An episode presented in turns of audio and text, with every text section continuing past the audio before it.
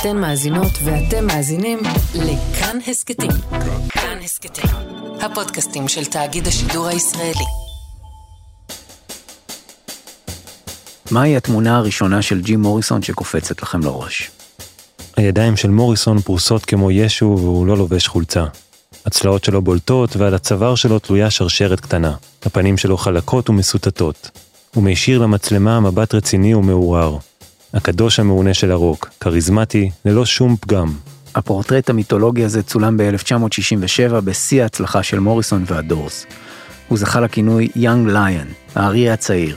ככה אנחנו זוכרים את מוריסון.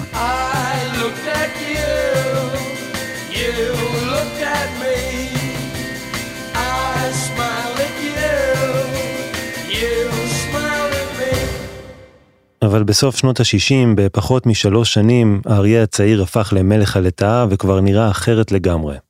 את מכנסי העור השחורים שלו החליף ג'ינס, את ה baby face כיסה זקן אבות, ומתחת לחולצה כבר אפשר היה לראות כרס בירה.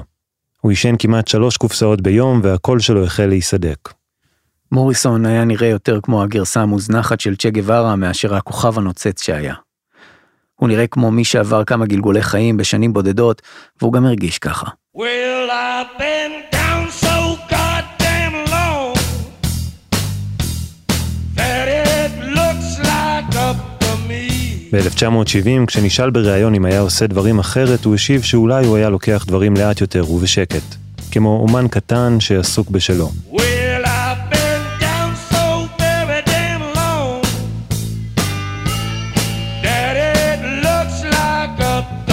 לאחד מחבריו הוא אמר את המשפט הבא: אם אני לא אמצא דרך כלשהי להתפתח תוך שנה, כל מה שיישאר ממני זו רק נוסטלגיה.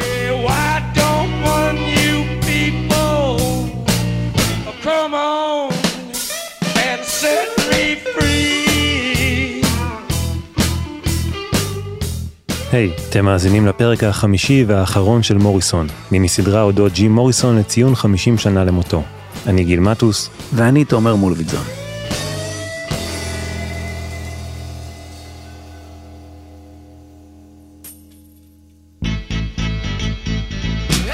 ב-2 במרס 1969, בבוקר שאחרי ההופעה במיאמי, האולם היה נטוש והרוס. חזיות ותחתונים כיסו את הבמה שהייתה על סף קריסה. בחדשות התגלגל סיפור על זמר שחשף את איבר מינו מול הקהל והצית מהומה. בתחנות הרדיו נוגן הלהיט Touch Me, ולמרות שזו לא הייתה כוונת המשורר, כולם התחילו לעשות אחד ועוד אחד. Come on, come on, come on, come on, now touch me, babe.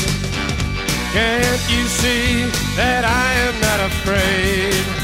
שלושה ימים אחרי, בחמישה במרס, משטרת מיאמי הוציאה צו מעצר למוריסון. באפריל הוא הסגיר את עצמו ונעצר, ואיתו נעצרה גם הנסיקה של הדורס. ההופעה במיאמי הייתה אמורה להיות ההופעה הראשונה של הלהקה כחלק מסיבוב הופעות גדול ביותר מ-20 ערים.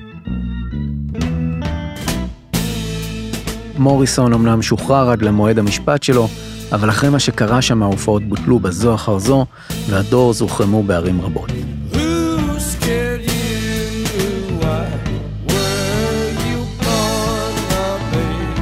כשהמנהלים של הדורס כן הצליחו לסגור כמה הופעות בודדות, מוריסון שאל, איך הצלחתם?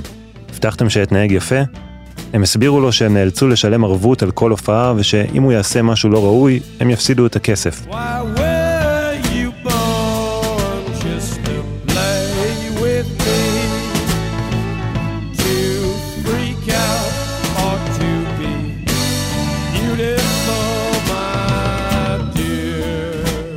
האלבום The Soft Parade שיצא ביולי 1969 דשדש במצעדים ועכשיו גם תחנות הרדיו התחילו להחרים את הדורס. שלושה שבועות אחרי ההופעה, תלמידי תיכון במיאמי ארגנו עצרת למען הגינות. 30 אלף בני נוער ומבוגרים הגיעו להופעות ולנאומים שעסקו בערכים. הנשיא ריצ'רד ניקסון בירך את מארגני העצרת על היוזמה.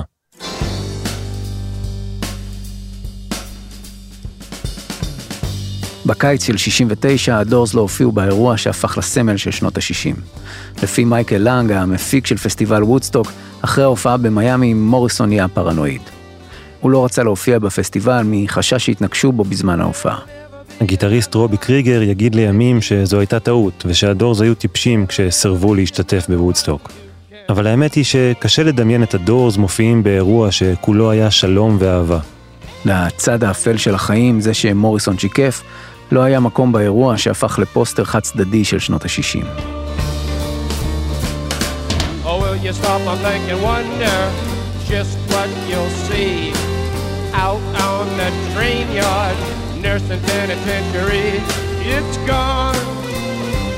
I cried out long. חברי הלהקה צפו במוריסון מאבד שליטה והם החליטו לאמת אותו עם הרגלי השתייה שלו. הם חששו שהוא פשוט יקום וילך כי אף אחד לא אומר למוריסון מה לעשות. כשדנסמור, קריגר ומנזרק אמרו למוריסון שהוא שותה יותר מדי ושהוא חייב להרגיע, הוא לא התעצבן. הוא אפילו לא פוצץ את הפגישה או עזב את הלהקה. הוא רק הביט בהם בעיניים עצובות ואמר שהוא יודע, ושהוא מנסה להפסיק. אבל הוא מעולם לא הצליח. הוא רצה, אבל הוא מעולם לא הפסיק. בנובמבר של אותה השנה, רגע לפני שחגג 26, מוריסון השיכור הטריד נוסעים וחברי צוות בטיסה לפיניקס. הוא נעצר יחד עם חבריו לטיסה. על פי החוק האמריקאי, העונש על מעשים כאלו הוא קנס של עשרת אלפים דולר ועד עשר שנים בכלא. למזלו, הדיילת שינתה את העדות שמסרה וטענה שרק החברים של מוריסון עשו בלאגן בטיסה.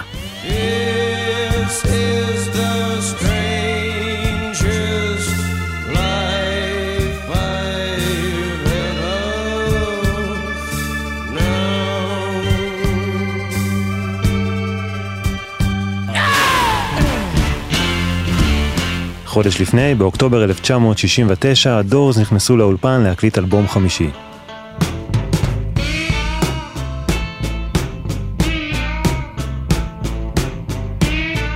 אחרי הכישלון של The Soft Parade ואחרי שההפקה הגרנדיוזית והמוגזמת השתלטה על הסאונד של הלהקה, זה היה הזמן לקחת צעד אחורה ולחזור אל השורשים. Now if you're sad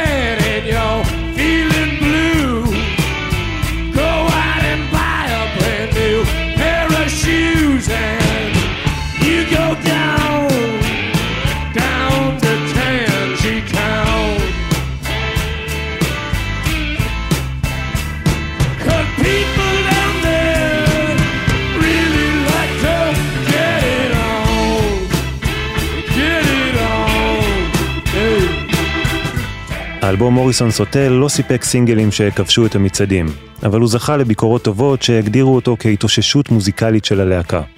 הוא הגיע למעמד של אלבום זהב, מה שהפך את הדורס ללהקת הרוק הראשונה שהוציאה חמישה אלבומי זהב ברצף. מחוץ לארצות הברית, בימים שבהם חדשות לא התפשטו בעולם במהירות, האלבום עבד טוב יותר. בבריטניה הוא היה האלבום המצליח ביותר של הלהקה במצעדים.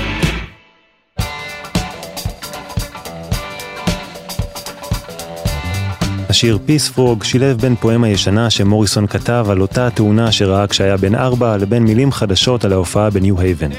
אותה הופעה שבה הוא נעצר בפעם הראשונה על הבמה ב-1967.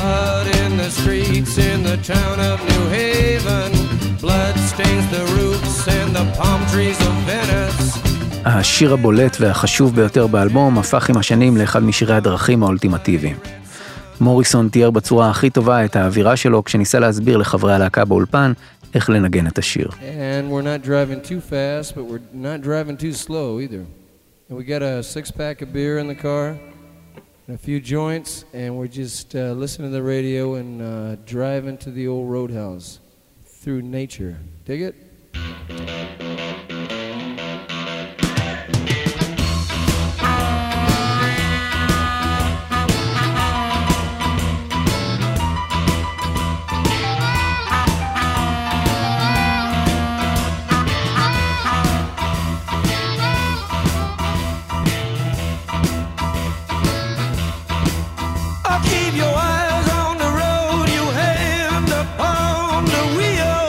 כשאלבום מוריסון סוטל יצא בתחילת 1970, החלום של שנות ה-60 כבר נגמר.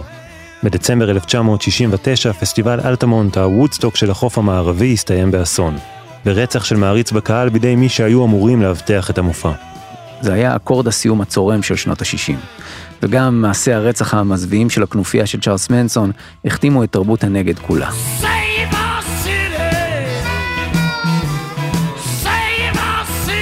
מוריסון ראה את הסוף כבר בהתחלה. הוא המשיך לחגוג בדרך לסוף שכאילו נכתב עבורו מראש.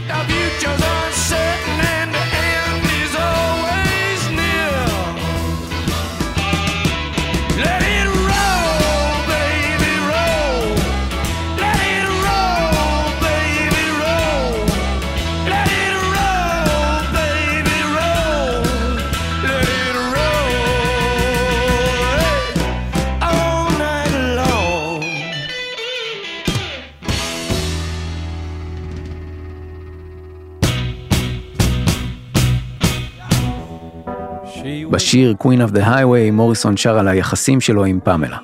פמלה היא נסיכה, המלכה של הכביש המהיר, ומוריסון הוא מפלצת שחורה שלבושה בבגדי אור. He was a monster,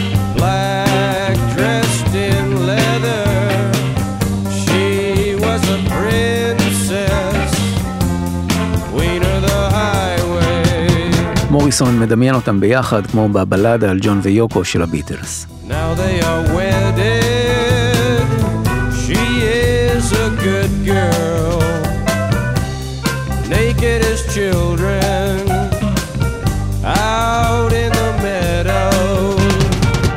בשיר הם מתחתנים ומביאים לעולם ילדים, סוף שאף אחד מהם לא זכה לראות.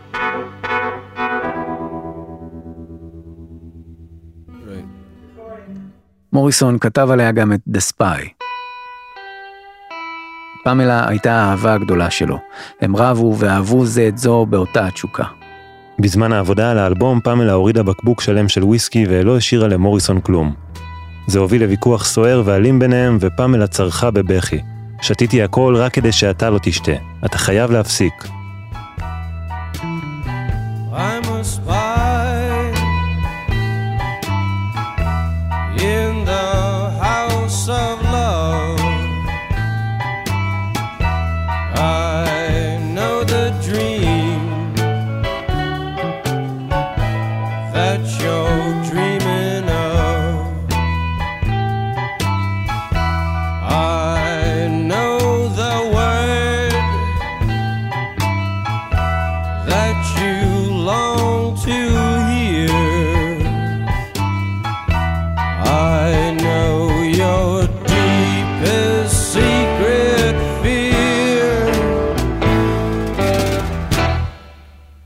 מוריסון לא היה נאמן לפמלה, ולרוב היא ספגה את זה. אבל הייתה אישה אחת ואירוע אחד שיגרמו לה לדחוק במוריסון לקחת הפסקה מהלהקה ולעזוב איתה את ארצות הברית. זה ייקח זמן, אבל לבסוף הוא יסכים. פטרישה קנילי הייתה כתבת ועורכת במגזין Jazz and Pop. היא הכירה את מוריסון בריאיון שהיא ערכה איתו בתחילת 1969. הם היו חברים טובים ובהמשך התפתח ביניהם קשר רומנטי. ביוני 1970 הם התחתנו בדירה של פטרישה בניו יורק במעין טקס קלטי ופגאני. הם דקרו את הידיים וטפטפו את הדם לתוך כוס יין שהם שתו ביחד. מוריסון חתם בדם את שמו על תעודת הנישואין שלהם, ואז, לפי פטרישה, התעלף. זמן קצר אחרי החתונה המוזרה היא טענה שהיא בהיריון ממנו. מוריסון לא היה מוכן לשמוע על ילד. על פי פטרישה הוא היה רדוף בעקבות המשפט והעתיד שלו נראה שחור מתמיד. אחרי ויכוח ארוך הם החליטו לעזוב הכל וללכת להשתכר. כמה חודשים אחרי היא ביצעה הפלה. I believe in democracy, man. Democracy, man. Democracy of souls, man. I don't think there I don't think there should be a president, man. I think it should be a total democracy, man.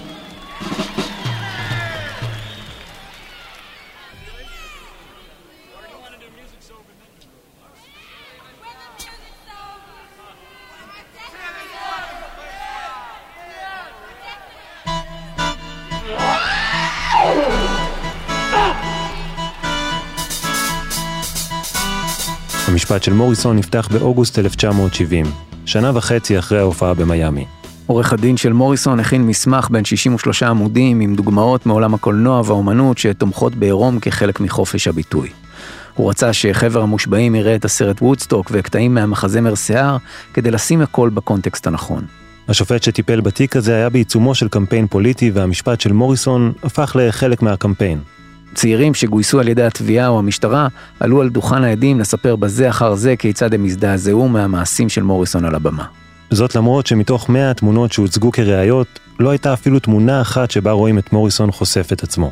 וכל זה בפני חבר מושבעים מוטה שכל חבריו היו מעל גיל 40.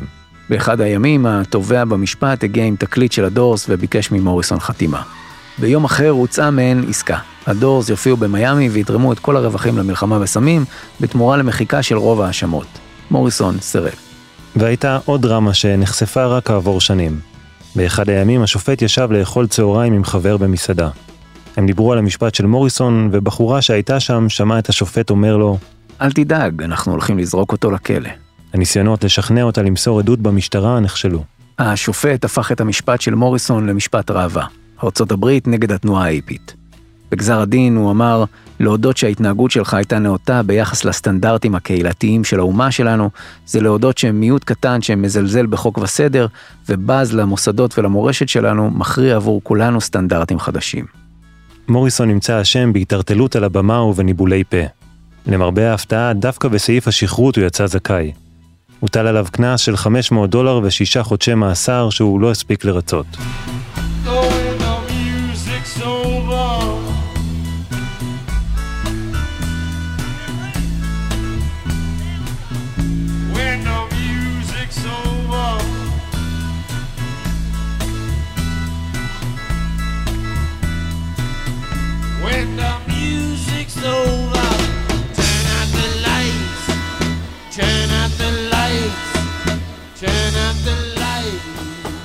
מכת הפטיש של השופט בסוף המשפט הייתה כמו סטירה מצלצלת. הוא לא מלך הלטאה, הוא לא יכול לעשות מה שהוא רוצה, הוא לא נצחי ולא בלתי מנוצח. מוריסון הבין שהמשפט במיאמי הוא מכת המוות של הקריירה המוזיקלית שלו. אבל הוא גם ראה באותה הופעה רגע מכונן, הכרזת העצמאות שלו. הדרך שלו לנער את הקהל שלא באמת הגיע לשם כדי לשמוע מוזיקה. המראה המוזנח והמלתחה החדשה היו הניסיון של מוריסון להרוס את הדימוי שלו ככוכב רוק, לחזור לאומנות ובעיקר להרוג את ג'ימבו, האלטר אגו שלו. בהופעה של הדורס שהתקיימה באותו הזמן, מוריסון הלך על טקטיקה אחרת.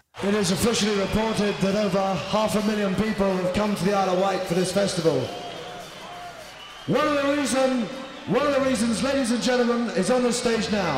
Please welcome the Doors. באוגוסט 1970 יצא לדרך הפסטיבל השלישי באי ווייט באנגליה עם אומנים כמו ליאונרד כהן, ג'ימי הנדריקס, מיילס דייוויס, ג'וני מיטשל ועוד רבים. בין 600 ל-700 אלף איש הגיעו לאירוע ששבר את השיא של וודסטוק והפך לפסטיבל הגדול ביותר בעולם באותם ימים. אבל בניגוד לוודסטוק, כאן לא היו לא שלום ולא אהבה. אנרכיסטים שהגיעו למקום דרשו להיכנס בחינם וניסו לפרוץ את הגדרות והאווירה הייתה טעונה. על הנייר, אלה כל התנאים לעוד הופעה מיתולוגית של הדורס שעשויה לצאת משליטה. אלא שמוריסון כבר לא היה מעוניין בכל אלה. מול הקהל העצום שציפה לשמן המופרע, מוריסון פשוט עמד במקום. הוא שר כמה מהלהיטים הגדולים של הדורס בלי לזוז. זו הייתה ההופעה האחרונה של הלהקה שתועדה בווידאו. Well, all you people trying to sleep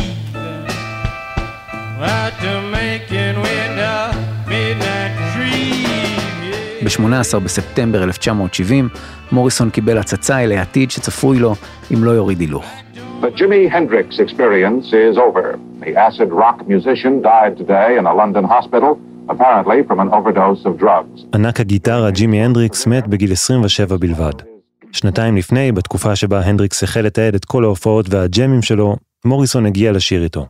העדויות על האירוע הבא מעט סותרות זו את זו, ולא ברור איפה הוא התרחש, או אם בכלל מדובר בשני אירועים שמרוב שמועות מוזגו יחד.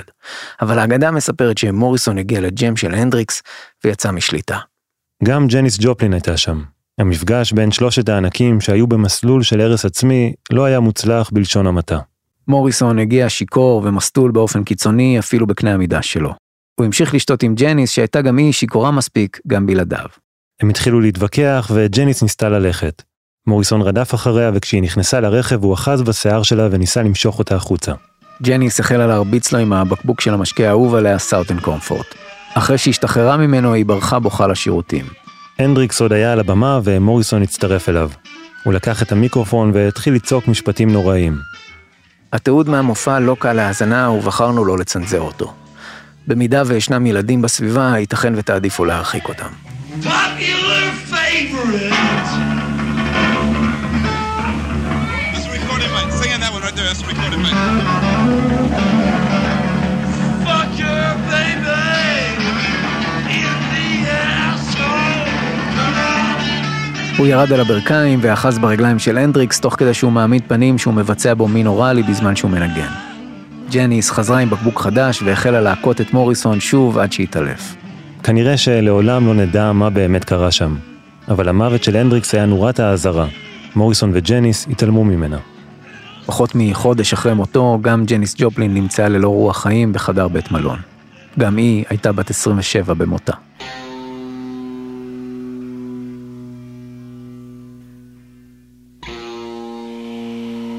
ב-12 בדצמבר 1970 הדורס הופיעו בניו אורלינס. מוריסון היה מותש, כבר לא נשאר לו מה לתת. מלך הלטאות, השאמן, היה נראה מבוגר יותר מהדימוי שלו. גזר הדין של השופט במשפט ריחף מעל ראשו, והוא היה רדוף ומבוהל. על הבמה הוא נאבק, עצר שירים באמצע, התיישב וסיפר בדיחות מוזרות. למעשה הוא חווה התמוטטות עצבים. הוא דפק את סטנד המיקרופון על רצפת הבמה שוב ושוב עד שיצר שקע במשטח, ואז הוא התיישב וסירב להמשיך להופיע. חבריו ללהקה נשבעו שבאותו ערב מוריסון כבר לא היה מוריסון, שאפשר היה לראות את הנשמה שלו עוזבת את הגוף. בפגישה שהתקיימה יום למחרת ללא מוריסון, החליטו מנזרק, קריגר ודנסמור שהדורס אמנם ימשיכו להקליט, אך לא יופיעו שוב. זו הייתה ההופעה האחרונה של הדורס יחד עם מוריסון. I took a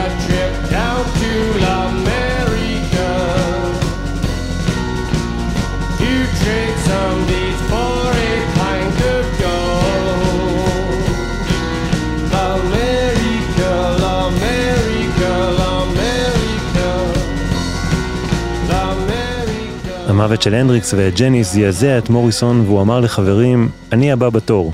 אבל הוא לא עצר, למרות שלרגע היה נראה שהוא כמעט מצליח להשתלט על החיים שלו. הדורס נכנסו לעבוד על האלבום הבא, ומוריסון הצליח להתרחק מאלכוהול בזמן ההקלטות. אבל העבודה על LA Woman לא הלכה חלק בתחילת הדרך. המפיק של הדורס, פול רוטשילד, הזדעזע גם הוא ממותה של ג'ניס ג'ופלין. הוא עבד איתה במקביל לעבודה עם הדורס. שיתוף הפעולה ביניהם הוליד את פרל, האלבום המצליח ביותר שלה.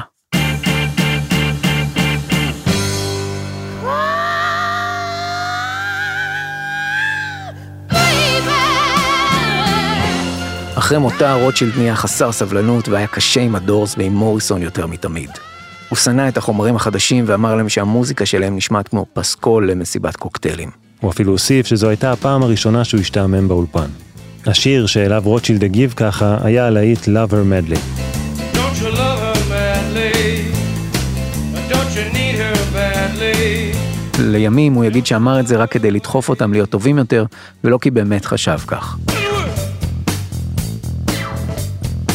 רגע לפני ההקלטות, האיש שהפיק את חמשת האלבומים הראשונים של הדורס החליט לפרוש.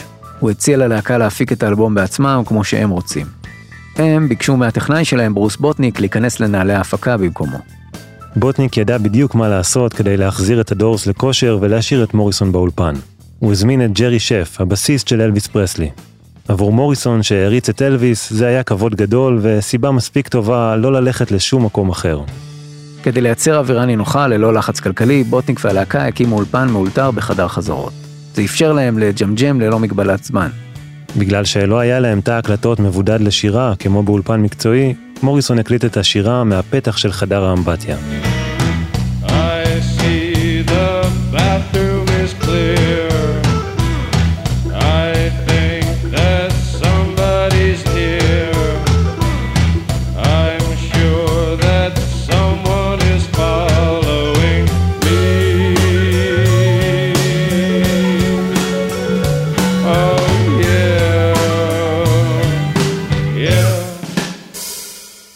כמו מוריסון זה הוטל, גם LA Woman מסמל את ההתרחקות מהפסיכדליה ואת החזרה לשורשים.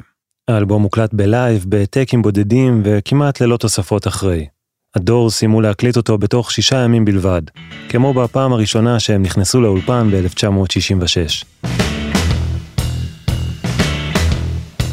הוא לחד מחדש את האנרגיה הגולמית של הלהקה כמו בהופעה חיה, כמו באלבום הראשון. החזון המקורי של משורר ביט ושלושה מוזיקאים נדירים.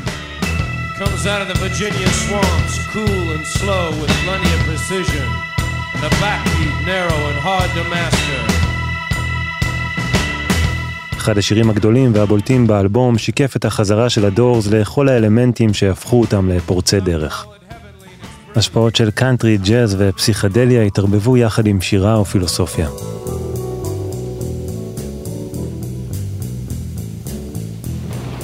אנחנו נזרקים לעולם אל תוך משפחה, חברה, דת, גורל ודרך חיים שנכפים עלינו.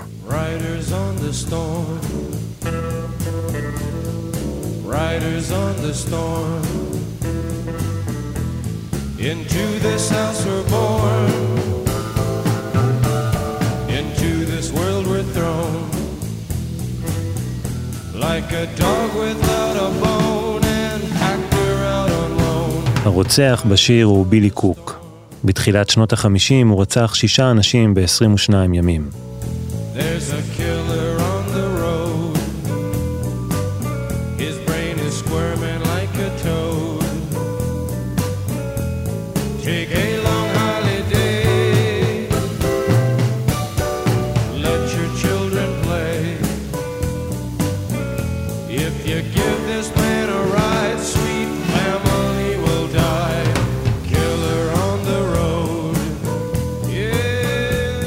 קוק היה גם חלק מההשראה של מוריסון לסרט HWY, An American Pastoral. סרט אקספרימנטלי קצר שהוא יצר עם חברים ב-1969. הסרט צולם במדבר מוהבי ובתחילתו רואים את מוריסון במדבר כשברקע קריינות בקולו. הוא מתאר את האירוע הטראומטי של ילדותו. אותה תאונה עם אינדיאנים שהשתלטו על גופו. דמותו של מוריסון תופסת טרמפ וברוב הסרט רואים אותו נוהג במדבר. הנהג שעצר לו נעלם. בסוף הסרט אנחנו מגלים שמוריסון רצח אותו. הוא מגיע עם הרכב ל-LA, לוויסקי הגוגו, אותו מועדון הופעות שבו מוריסון הפרפורמר נולד. הסרט מעולם לא הופץ באופן מסחרי ומסודר בזמן חייו של מוריסון.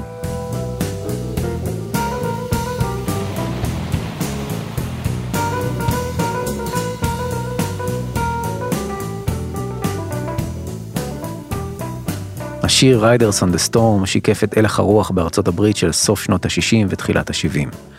רציחות פוליטיות, כתות שיצאו משליטה, מלחמה שהסלימה ואלימות שחלחלה לכל מקום. הדורס בחרו לקדם איתו את האלבום, ושוב, בלב המיינסטרים הצביעו על הצד האפל. האלבום LA Woman יצא ב-19 באפריל 1971. גם בעטיפה של LA Woman וגם בעטיפה של מוריסון Hotel, ג'י מוריסון לא מוצג כסמל סקס. התמונה שלו אפילו לא תופסת יותר תשומת לב משאר החברים. וגם הקרדיטים על כתיבת השירים היו שוב משותפים.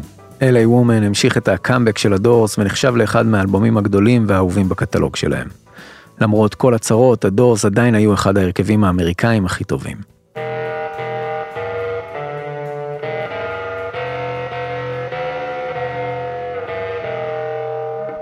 וכל זה מתפוצץ בשיר הנושא. כמעט שמונה דקות של גרוב מטורף שמתחיל, לא במקרה, בסאונד של מכונית מאיצה. מוריסון והלהקה יוצאים לרוד טריפ בלוס אנג'לס, עיר החלומות ועיר הסיוטים. או כפי שכתב ג'ק קרואק בספרו בדרכים, התנ"ך של מוריסון ושל תרבות הנגד, לוס אנג'לס היא העצובה והאכזרית ביותר בערים האמריקאיות.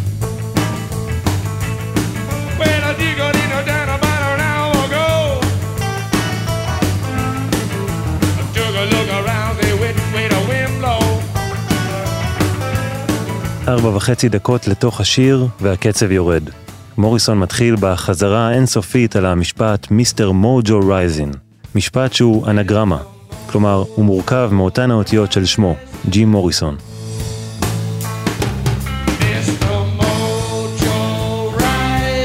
הדורס יוצרים את ה build-up יחד עם Mr. Mojo, במה שנשמע כמו אורגזמה מוזיקלית שהיא אחד השיאים של הלהקה. City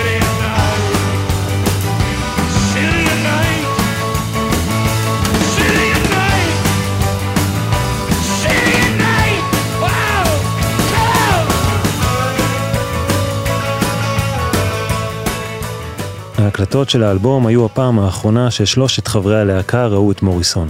חי או מת. ואולי LA Woman היה גם שיר הפרידה של מוריסון מלוס אנג'לס ומהחלום האמריקאי. חודש לפני שהאלבום יצא, במרס 1971, מוריסון ופמלה כבר עברו לעיר האורות האמיתית.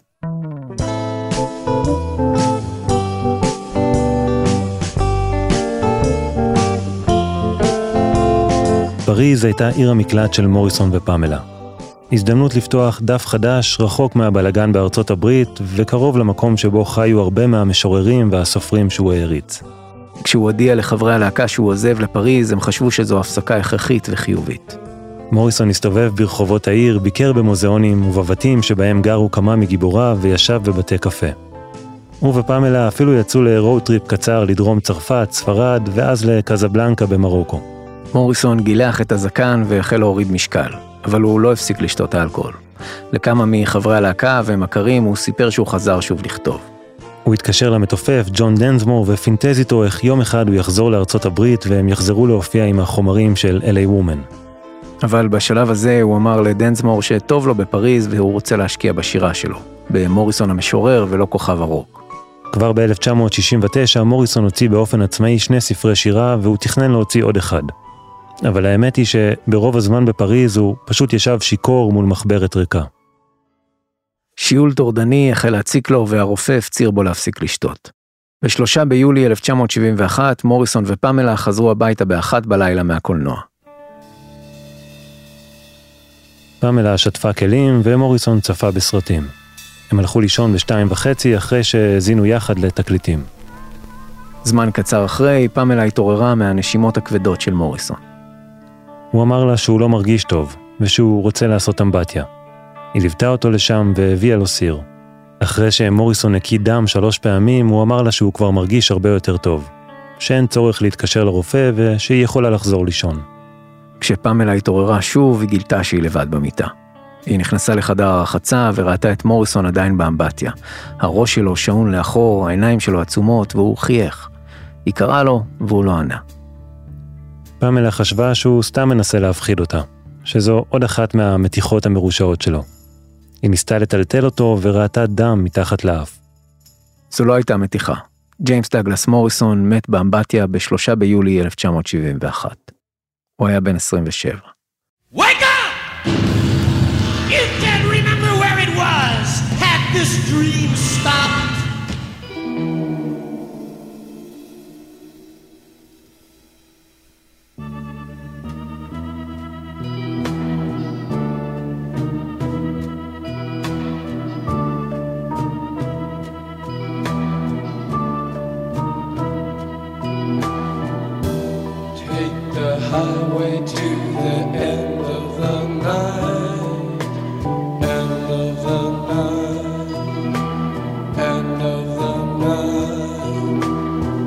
השמועות החלו לנדוד ברחבי פריז ומשם לארצות הברית. גם חברי הדורס חשבו שזו מתיחה אכזרית, אבל לא בהכרח של מוריסון עצמו. שמועות סביב מוריסון רדפו אותם מהיום שבו הם התפרסמו. הם שלחו את אחד מאנשי הצוות של הלהקה לפריז לבדוק את השמועות. הוא מעולם לא ראה את הגופה ורק השתתף בהלוויה קטנה עם פמלה. מוריסון נקבר בבית הקברות פר לשז בפריז. הוא סייר בבית הקברות הזה כשנחת בעיר וביקר בקברים של אוסקר ויילד ועידית פיאף. The night. End of the night. End of the night.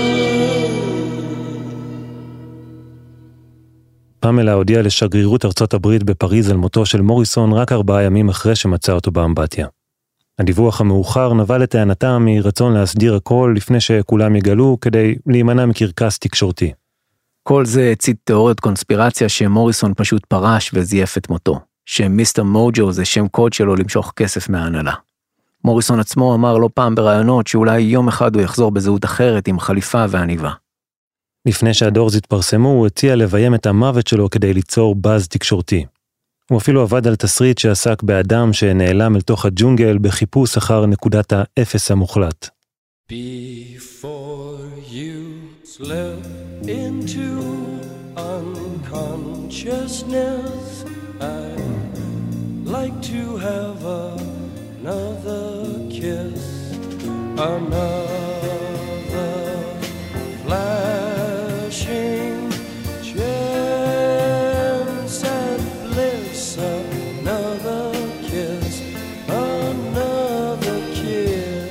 גם אלו שמאמינים שמוריסון מת עדיין מתווכחים על האופן שבו הוא הלך לעולמו.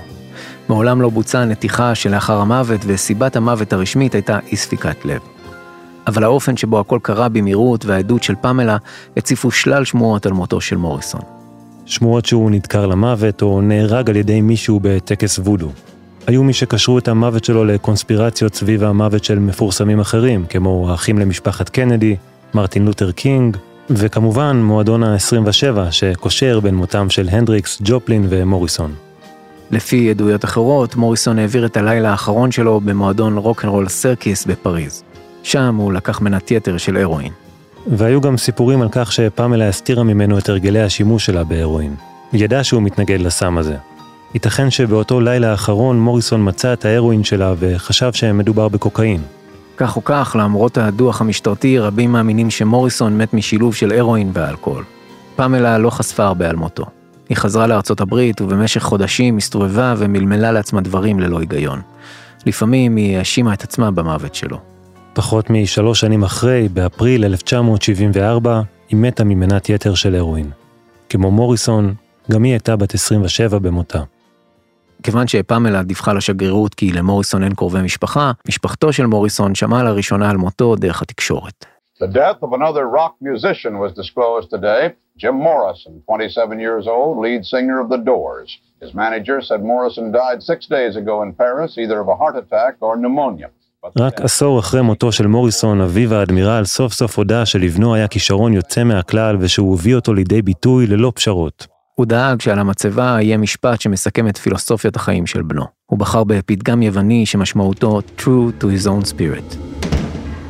I was a king. I can do anything.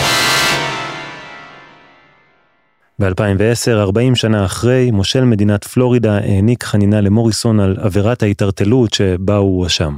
חברי הדורס אמרו שהדבר היחיד שהוא היה אשם בו זו הופעה גרועה. הם טענו שמכיוון שהוא מעולם לא היה אשם באמת, לא היה על מה לחנון אותו. הדורס ניסו להמשיך לאחר מותו.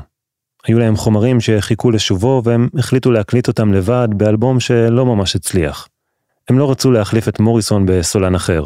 בסוף שנות ה-70 הם יצרו אלבום נוסף בעזרת הקלטות שהוא השאיר אחריו. אבל למעשה, כבר ב-1973 הם התפרקו רשמית. זה נכון שאין דורס בלי מוריסון, אבל ייתכן שאין מוריסון בלי קריגר, דנסמור ומנזרק. הם היו אחת הלהקות הגדולות בהיסטוריה, והמוזיקה שנוצרה מהשילוב של ארבעתם חשובה לא פחות, אם לא יותר, מכל האגדות שרדפו את מוריסון בחייו ובמותו. האם בכלל אפשר לדמיין את מוריסון מזדקן כמוזיקאי? לדמיין את הדורס עם מוריסון על הבמה כמה עשורים אחרי, כפי שאומנים רבים בני דורם המשיכו ועדיין ממשיכים לעשות? אולי המוזיקה של מוריסון והדורס לנצח תהיה כלואה במעין קפסולת נעורים. אולי לטוטליות שבה הוא חי את חייו הקצרים, לא היה יכול להיות סוף אחר. מוריסון חי במיתוס ומת כמיתוס. החיים הרגילים והזמניים לא עניינו אותו. שירה ושירים היו הדבר הנצחי מבחינתו. 50 שנה אחרי, המילים והצלילים שהוא השאיר לנו, משאירים אותו בחיים. With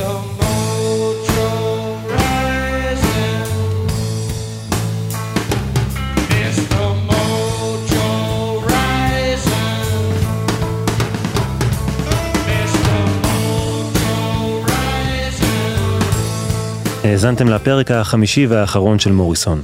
מיני סדרה מבית כאן 88 הסכתים אודות ג'ים מוריסון לציון 50 שנה למותו. פרקים נוספים וסדרות נוספות תוכלו למצוא באתר כאן 88 וביישומון כאן. אנחנו נמצאים גם בכל יישומוני ההסכתים. רשימת מקורות ניתן למצוא בעמוד ההסכת. את המיקס והסאונד של הפרק ערכה רחל רפאלי. תודה לנוגה קליין, סיון טטי, עופרי גופר, עופרי מקוב ועינב יעקבי. תודה מיוחדת גם למוזיקאי ולחוקר התרבות ירון בן עמי.